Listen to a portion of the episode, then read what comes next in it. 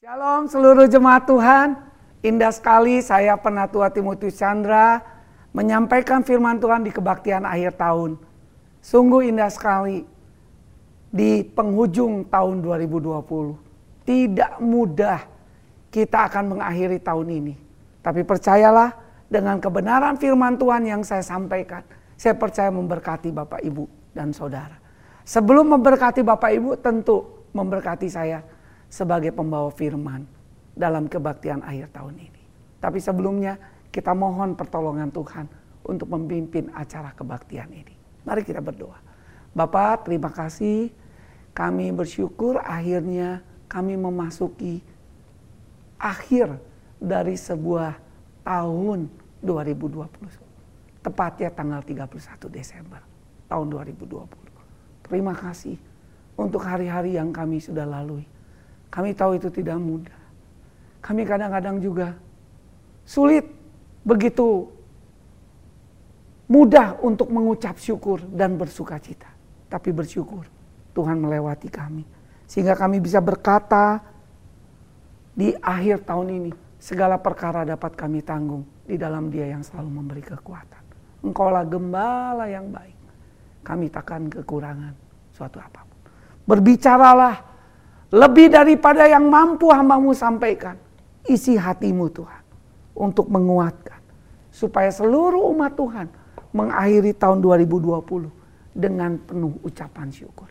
Apa pun yang terjadi dalam hidup mereka. Mungkin janjinya belum tergenapi. Tapi kami percaya itu tidak membuat kami goyah karena janjimu adalah ya dan amin.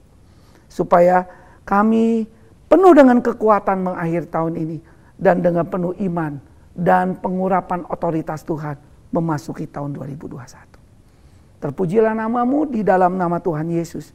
Kami sudah berdoa dan menyerahkan pemberitaan firman hari ini. Amin.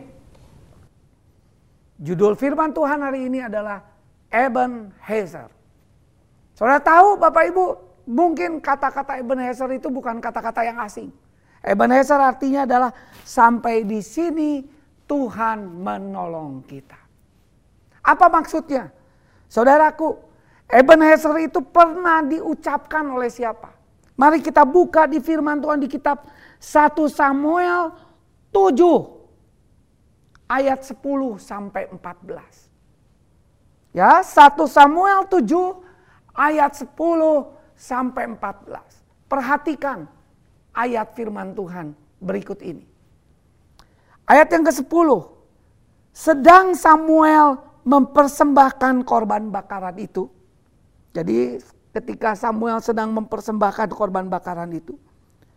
Majulah orang Filistin berperang melawan orang Israel. Tetapi pada hari itu Tuhan mengguntur dengan bunyi yang hebat ke atas orang Filistin dan mengacaukan mereka sehingga mereka terpukul kalah oleh orang Israel. Haleluya. Tuhan ajaib. Ayat 11. Keluarlah orang-orang Israel dari Mispa. Mengejar orang Filistin itu dan memukul kalah sampai Hilil Betkar. Ayat yang ke-12. Kemudian Samuel mengambil sebuah batu dan mendirikan antara Mispa dan Yesana. Ia menamainya Ebenezer katanya, sampai di sini Tuhan menolong kita. Demikianlah orang Filistin ditundukkannya dan tidak lagi memasuki daerah Israel. Luar biasa ya. Ditundukkan, dikalahkan. Bahkan tidak bisa memasuki daerah Israel. Kenapa? Karena tangan Tuhan melawan orang Filistin seumur hidup Samuel. Luar biasa. Ayat 14. Dan kota-kota yang diambil orang Filistin daripada Israel kembali pula kepada Israel. Mulai dari Ekron sampai Gad. Dan orang Israel merebut daerah sekitarnya dari tangan orang Filistin antara orang Israel dan orang Amori. Ada damai. Sungguh luar biasa saudara. Ebenezer itu adalah pengalaman rohani yang dialami oleh Nabi Samuel dan bangsa Israel. Saking kagumnya Samuel melihat bagaimana Tuhan bekerja mengalahkan bangsa-bangsa yang mengganggu Israel. Yaitu salah satunya musuh bubuyutannya adalah bangsa Filistin. Ketika Samuel menyembah, mempersembahkan mesbah korban bakaran kepada Tuhan. Ketika bangsa Filistin menyerang, mengganggu Israel, tahu-tahu Tuhan menyatakan kemuliaannya, dia mengguntur dengan bunyi yang hebat. Dan Alkitab mencatat, akhirnya orang Filistin dikacaukan dan mereka terpukul kalah oleh orang Israel. Bahkan pukulannya pun telak. Saking begitu luar biasanya tadi saya sebut. Maka Samuel mengambil batu dari daerah Mispa antara Mispa dan Yesana. Ia menamai Ebenezer. Katanya sampai di sini Tuhan menolong kita.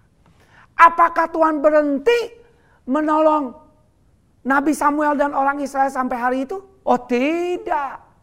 Saya bacakan lagi ayat 13. Demikianlah orang Filistin itu ditundukkan. Dan tidak lagi memasuki daerah Israel.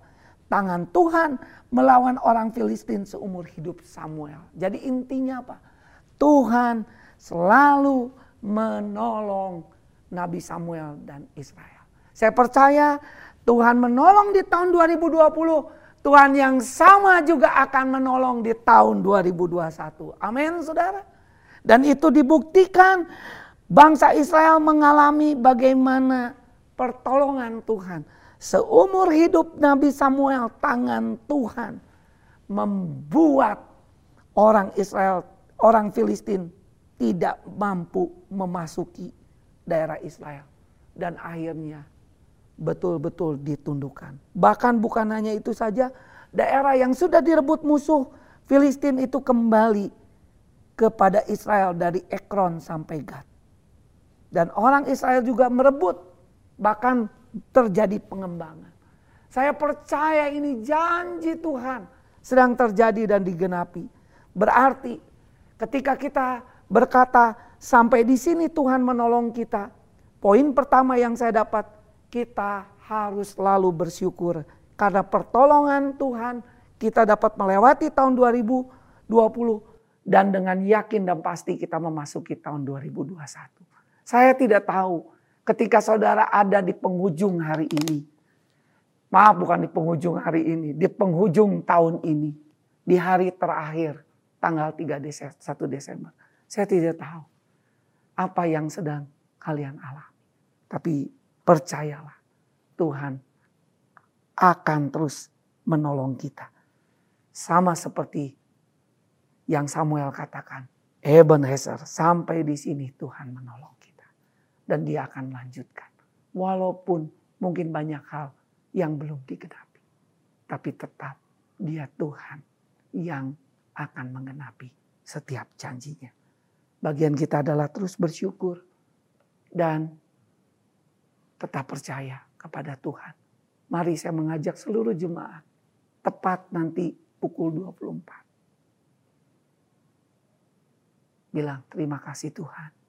Aku sudah mengakhiri tahun 2020. Dan saya akan memasuki tahun 2021 dengan janji Tuhan. Temukan firman yang membuat engkau teguh dan membuat engkau kuat memasuki tahun 2021. Saya mendapatkan satu ayat yang begitu kuat berbicara pada saya.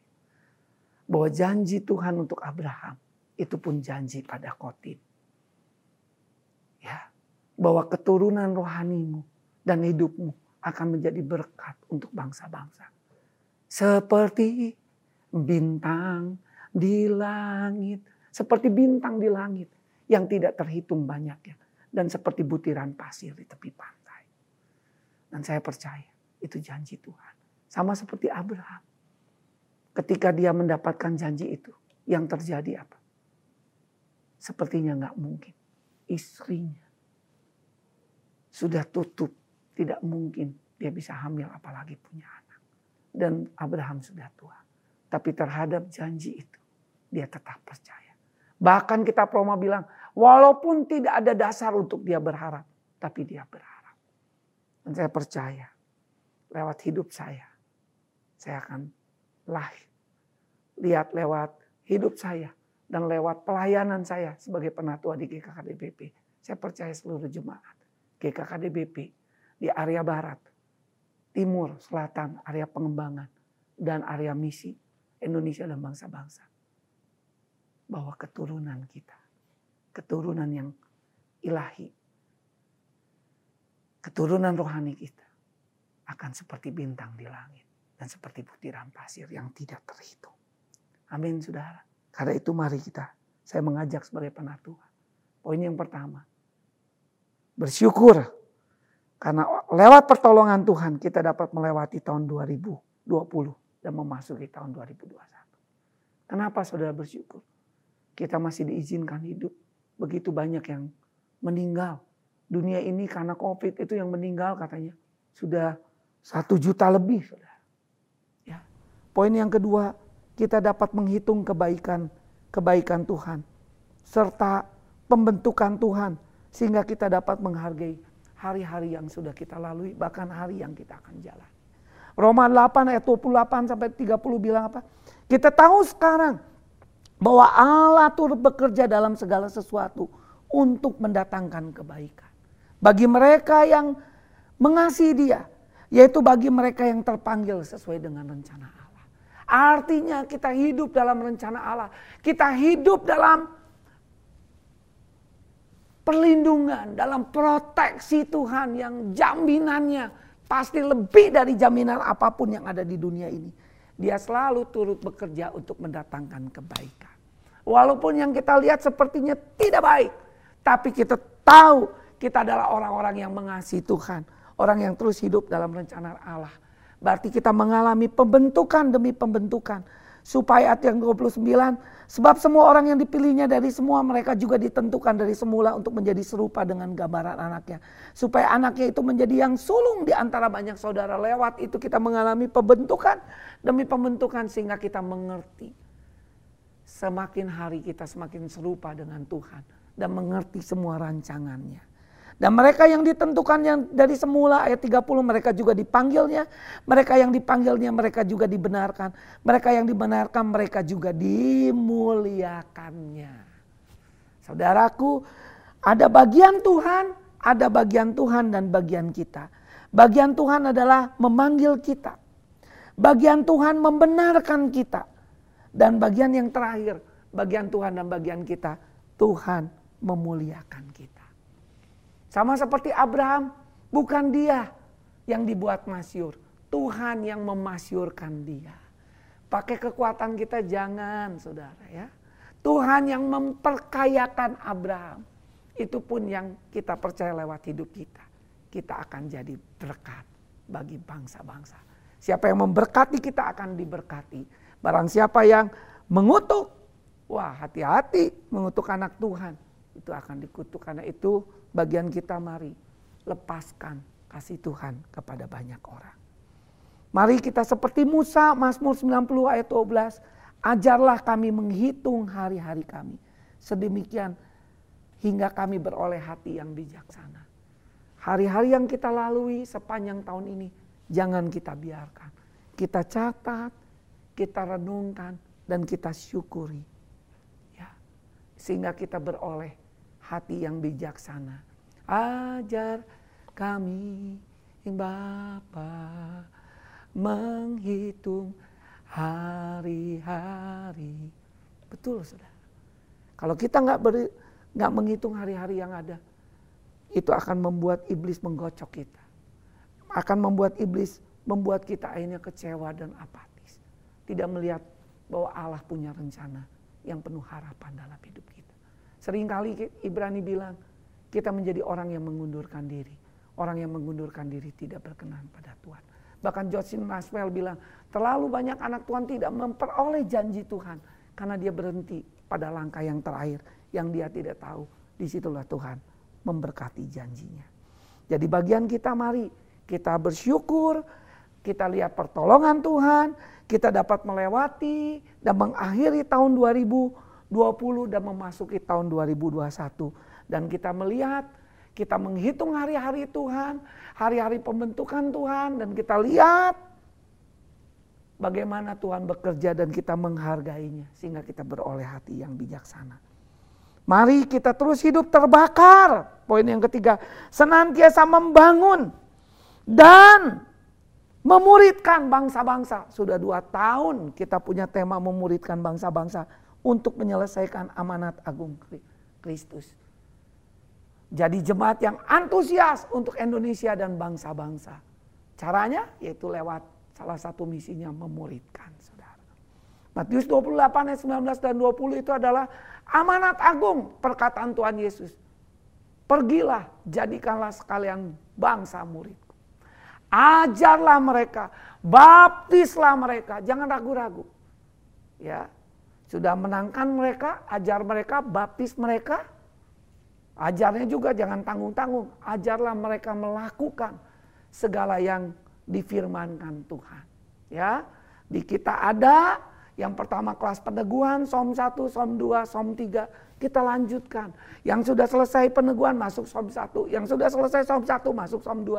Selesai som 3 kita masuk untuk kita mulai dilatih menjadi calon diaken dan akhirnya jadi diaken. Diaken juga jadi ketua persekutuan, dari ketua persekutuan mulai megang divisi, mulai megang wilayah, dan akhirnya jadi pemimpin, gak kebetulan juga diizinkan jadi pendeta, akhirnya jadi penatua, saudara. Amin.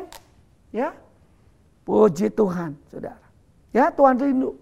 Bukan hanya itu, kita terus dilayani, kita mulai saatnya seperti Timotius di kitab Filipi, dia menjadi anak yang menolong bapaknya. Ya, hari ini kita sedang dipulihkan hubungan bapak anak. Saya berharap anak-anak pun akhirnya bisa menjadi anak yang semakin dewasa, akhirnya bisa menolong dan bisa punya juga anak-anak rohani dan memuridkan. Wah luar biasa. Kalau semua jemaat Tuhan memuridkan, tidak ada jadi penonton, semuanya maju melayani Tuhan. Saya yakin Indonesia akan semakin dekat. Seperti lagu yang diciptakan rekan kita. Bahkan janji Tuhan 1 Korintus 3 ayat 10 sampai 13 dia bilang apa? Paulus bilang sesuai dengan kasih karunia Allah yang dianugerahkan kepadaku, aku sebagai seorang ahli bangunan yang cakap telah meletakkan dasar dan orang lain membangun terus di atasnya. Tetapi tiap-tiap orang harus memperhatikan bagaimana ia harus membangun di atasnya. Kita tahu Semata-mata karena kasih karunia kita bisa membangun, menguatkan banyak orang, memuridkan banyak orang. Tapi ingat kita harus menjadi ahli bangunan seperti Paulus yang cakap yang sudah diletakkan oleh Yesus. Dan kita harus memperhatikan cara kita membangun. Bahan dasarnya harus benar. Karena itu kalau kita memuridkan orang jangan tanggung-tanggung cari bahannya. Bahan yang sudah sudah dibuat lewat departemen pengajaran kita sampaikan, kita tambahkan yang melengkapi. Jangan kita cari-cari yang di luar itu. Kalau orang bilang step by step, langkah demi langkah. Kenapa ayat 11 bilang? Karena tidak ada seorang pun yang dapat meletakkan dasar lain daripada dasar yang telah diletakkan Yesus Kristus. Yesus Kristus yang sudah meletakkan. Dan dia sudah terima Yesus. Katanya yang terima Yesus seperti Petrus Allah mau tidak dapat menguasainya. Percayalah orang-orang yang kita layani adalah punya kualitas eklesia yang luar biasa. Ayat 12, entahlah orang membangun di atas dasar ini dengan emas, perak, batu permata, kayu, rumput kering, atau jerami. Sekali kelak pekerjaan masing-masing orang akan nampak. Satu kali apa yang kita muridkan itu akan nampak. Kita menghasilkan enggak? Kalau di blueprint tuh sesudah peneguhan som 1, som 2, som 3 jadi calon pekerja. Harus. Jadi yang dimuridkan Penatua Timotius ingatkan loh bahwa tujuannya adalah semakin serupa dengan Kristus dan salah satunya menjadi pekerja Tuhan. Menjadi regenerasi. Yang melanjutkan pelayanan seperti murid-murid Tuhan Yesus. Ya, dan bukan hanya jadi pekerja, hanya jadi pemimpin yang meneruskan gereja Tuhan. Baik di kota ini pun di berbagai daerah bahkan di berbagai bangsa. Sekali kelak pekerjaan masing-masing akan nampak karena hari Tuhan akan menyatakannya sebab ia akan nampak dengan api bagaimana pekerjaan masing-masing orang akan diuji oleh api. Kalau emas dan perak itu dibakar oleh api semakin waduh semakin cemerlang murni. Karena itu saya senang kalau ngucapin itu semakin bersinar cemerlang di dalam Tuhan. Unlimited blessing acceleration God dalam hidup saudara. Saudaraku yang kekasih, mari kita terbakar untuk senantiasa membangun memuridkannya dengan konsisten menyelesaikan amanat aku. Berdirilah teguh dan jangan goyah. Giat selalu dalam pekerjaan Tuhan. Karena jeripayamu di dalam persekutuan dengan Tuhan tidak sia-sia. Poin yang terakhir, mari seluruh keluarga, seluruh umat Tuhan, sebagai kata-kata saya terakhir di ibadah ini, kita punya keputusan untuk tetap mencintai Tuhan dan mengikut Tuhan. Sebagai ayat terakhir, mari kita buka Yosua 24 ayat yang ke-14 sampai 15. Oleh sebab itu takutlah akan Tuhan dan beribadalah kepadanya dengan tulus ikhlas dan setia Jauhkanlah Allah yang kepadanya nenek moyang telah beribadah di seberang sungai Efrat dan di Mesir. Dan beribadahlah kepada Tuhan. Tetapi jika kamu anggap tidak baik dan beribadah kepada Tuhan, pilihlah pada hari ini kepada siapa kamu akan beribadah. Allah yang kepadanya nenek moyang beribadah di sungai Efrat atau Allah orang Amori yang negerinya kamu diami ini. Tetapi lihat Yosua, aku dan seisi rumahku kami akan beribadah kepada Tuhan. Ini kata-kata Yosua kepada bangsanya. Bukan hanya dia menjadi pemimpin yang hebat di tengah bangsanya, tapi dia juga menjadi pemimpin yang sosok teladan di tengah keluarganya. Dia menjadi imam, menjadi pemimpin keluarga yang menjadi teladan dan dia punya komitmen. Katanya, aku dan seisi rumahku akan beribadah kepada Tuhan. Dengan praktis dia contohkan, dia akan terus membangun takut akan Tuhan. Takut itu artinya hormat akan Tuhan. Yang kedua dia beribadah, membangun ibadah di tengah keluarganya dengan tulus. Ketulusan hari-hari ini mahal Bapak Ibu. Mari kita bangun ketulusan seperti dua Petrus bilang. Tambahkan imanmu dengan kebajikan, dengan ketulusan. Motivasi yang murni, hanya betul-betul mencintai Tuhan. Sudah tulus, ikhlas betul-betul rela tidak dengan paksaan beribadah kepada Tuhan sama seperti kita baca Alkitab tiap hari dan hari ini kita mengakhiri pembacaan kita terakhir dan membaca saat teduh. Luar biasa gereja Tuhan GKKDBP kaya akan firman Tuhan. Setiap hari para penatua dan para pemimpin itu menyediakan makanan rohani untuk saudara. Ya, puji Tuhan. Kita mau katakan terima kasih Mas Anang dan kawan-kawan dengan teman-teman yang kami tidak bisa sebutkan. Lanjutkan terus tahun 2021 Mas dengan teman-temannya semuanya. Ya, kalau perlu juga ada juga yang khusus youth, Saudara ya. Nanti khusus anak-anak jadi berbagai versi. Haleluya. Ya. Dan setia. Banyak orang menyebut dirinya baik hati, tetapi siapa yang setia menemukannya? Temukanlah saya dan saudara. Mari bukan hanya kita membangun hormat akan Tuhan tapi beribadah dengan tulus, ikhlas dan setia. Bahkan dia menjauhkan Allah-Allah, berhala-berhala yang menghalangi penyembahan Tuhan Yesus menjadi center yang terutama yang menjadi pusat. Dan dia tantang bangsanya. Pilihlah apakah engkau mau menyembah Allah yang hidup, Allah yang sudah mengeluarkan kita dari tanah perbudakan atau engkau mau menjadi Allahnya? Sungai Efrat, orang-orang Mesopotamia. Atau mau Allahnya orang Amori yang saudara diami tetangga-tetangga saudara. Tetapi aku akan menyembah Allah Maha Besar. Pencipta langit dan bumi. Saudaraku, itu yang saya rindukan sebagai penatua yang saya pesankan. Ebenezer. Sampai di sini Tuhan menolong kita. Artinya apa? Mari kita bersyukur senantiasa bahwa kita bisa mengakhiri tahun 2020 dengan kasih Tuhan, dengan kemurahan dan kebajikan. Dan kita memasuki tahun 2021. Percayalah bahwa kebajikan dan kemurahan akan menyertai kita. Dan kita lihat lewat pembentukan demi pembentukan. Mungkin itu tidak enak. Kita tahu bahwa Allah turut bekerja. Lewat proses-proses yang ada. Lewat pengalaman-pengalaman mungkin yang nggak enak Malah pengalaman yang penuh sukacita tidak membuat kita berhenti sampai di sana. Tapi kita melihat hari-hari yang sudah kita lalui. Sungguh kita berkata praise God, puji Tuhan. Sehingga kita beroleh hati bijaksana. Mari kita terus terbakar untuk terus membangun rumah merohani untuk antusias. Memenangkan jiwa dan bukan hanya memenangkan jiwa, memuridkan. Bahkan menghasilkan pekerja-pekerja yang baru dan menyelesaikan amanat. Sehingga keturunan kita, keturunan rohani seperti Abraham yang Tuhan janjikan, seperti bintang di langit, seperti butiran pasir di tepi pantai itu terjadi. Dan kita terus betul-betul hormat akan Tuhan, beribadah dengan tulus, ikhlas, setia, menjauhi segala Allah-Allah lain yang tidak menyenangkan hati Tuhan. Mungkin berhala kita bukan seperti berhala patung seperti Efrat, Tigris atau dewa-dewa atau apa. Tapi kita sering tahu berhala modern kita. Kita mengikut Tuhan, mengasihi Tuhan sampai akhir hidup kita.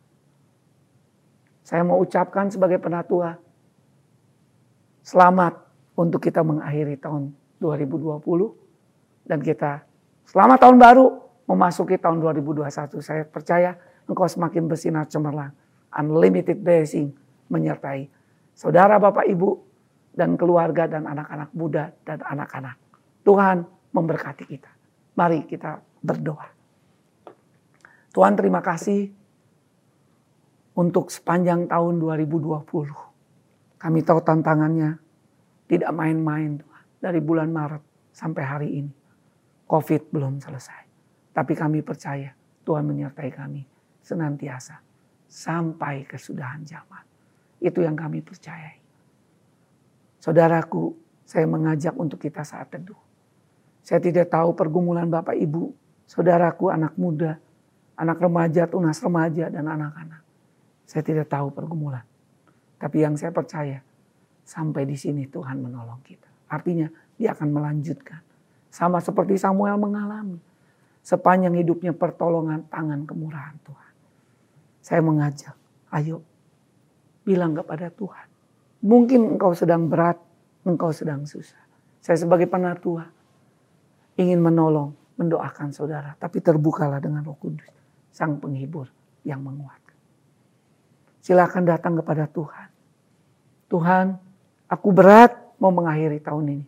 Tapi aku belajar mau mengucap syukur. Karena itu yang Tuhan kendaki. Mau berdoa senantiasa dan bersuka cita. Mari saya ajak seluruh jemaat angkat kedua belah tanganmu. Untuk mulai bersyukur. Ucapkanlah syukur dalam segala hal. Mungkin hal yang menurut saudara itu hal yang begitu pahit. Hal yang begitu membuat engkau merasa kalau ingat itu engkau sepertinya tertekan. Mari bersyukur pada Tuhan. Tuhan terima kasih untuk segala kejadian. Kami percaya Allah turut bekerja dalam segala sesuatu untuk mendatangkan kebaikan. Kami adalah orang yang mengasihi Tuhan yang terus menatap masa depan. Sungguh Masa depan sungguh ada dan harapanmu tidak akan hilang. Itu pun terjadi di tengah keluarga mereka masing-masing. Saya kasih waktu satu menit untuk saudara mengucap syukur untuk segala hal yang sedang terjadi dalam hidup saudara.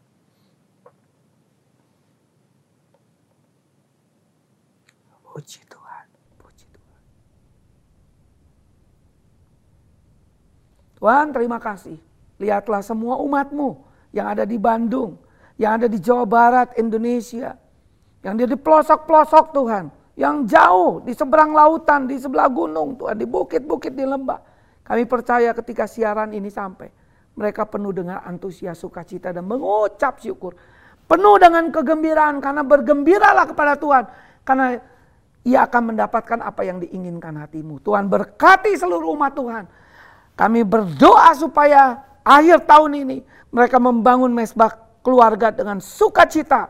Anak muda, anak-anak, tunas remaja, para pengusaha, profesi, karyawan, keluarga.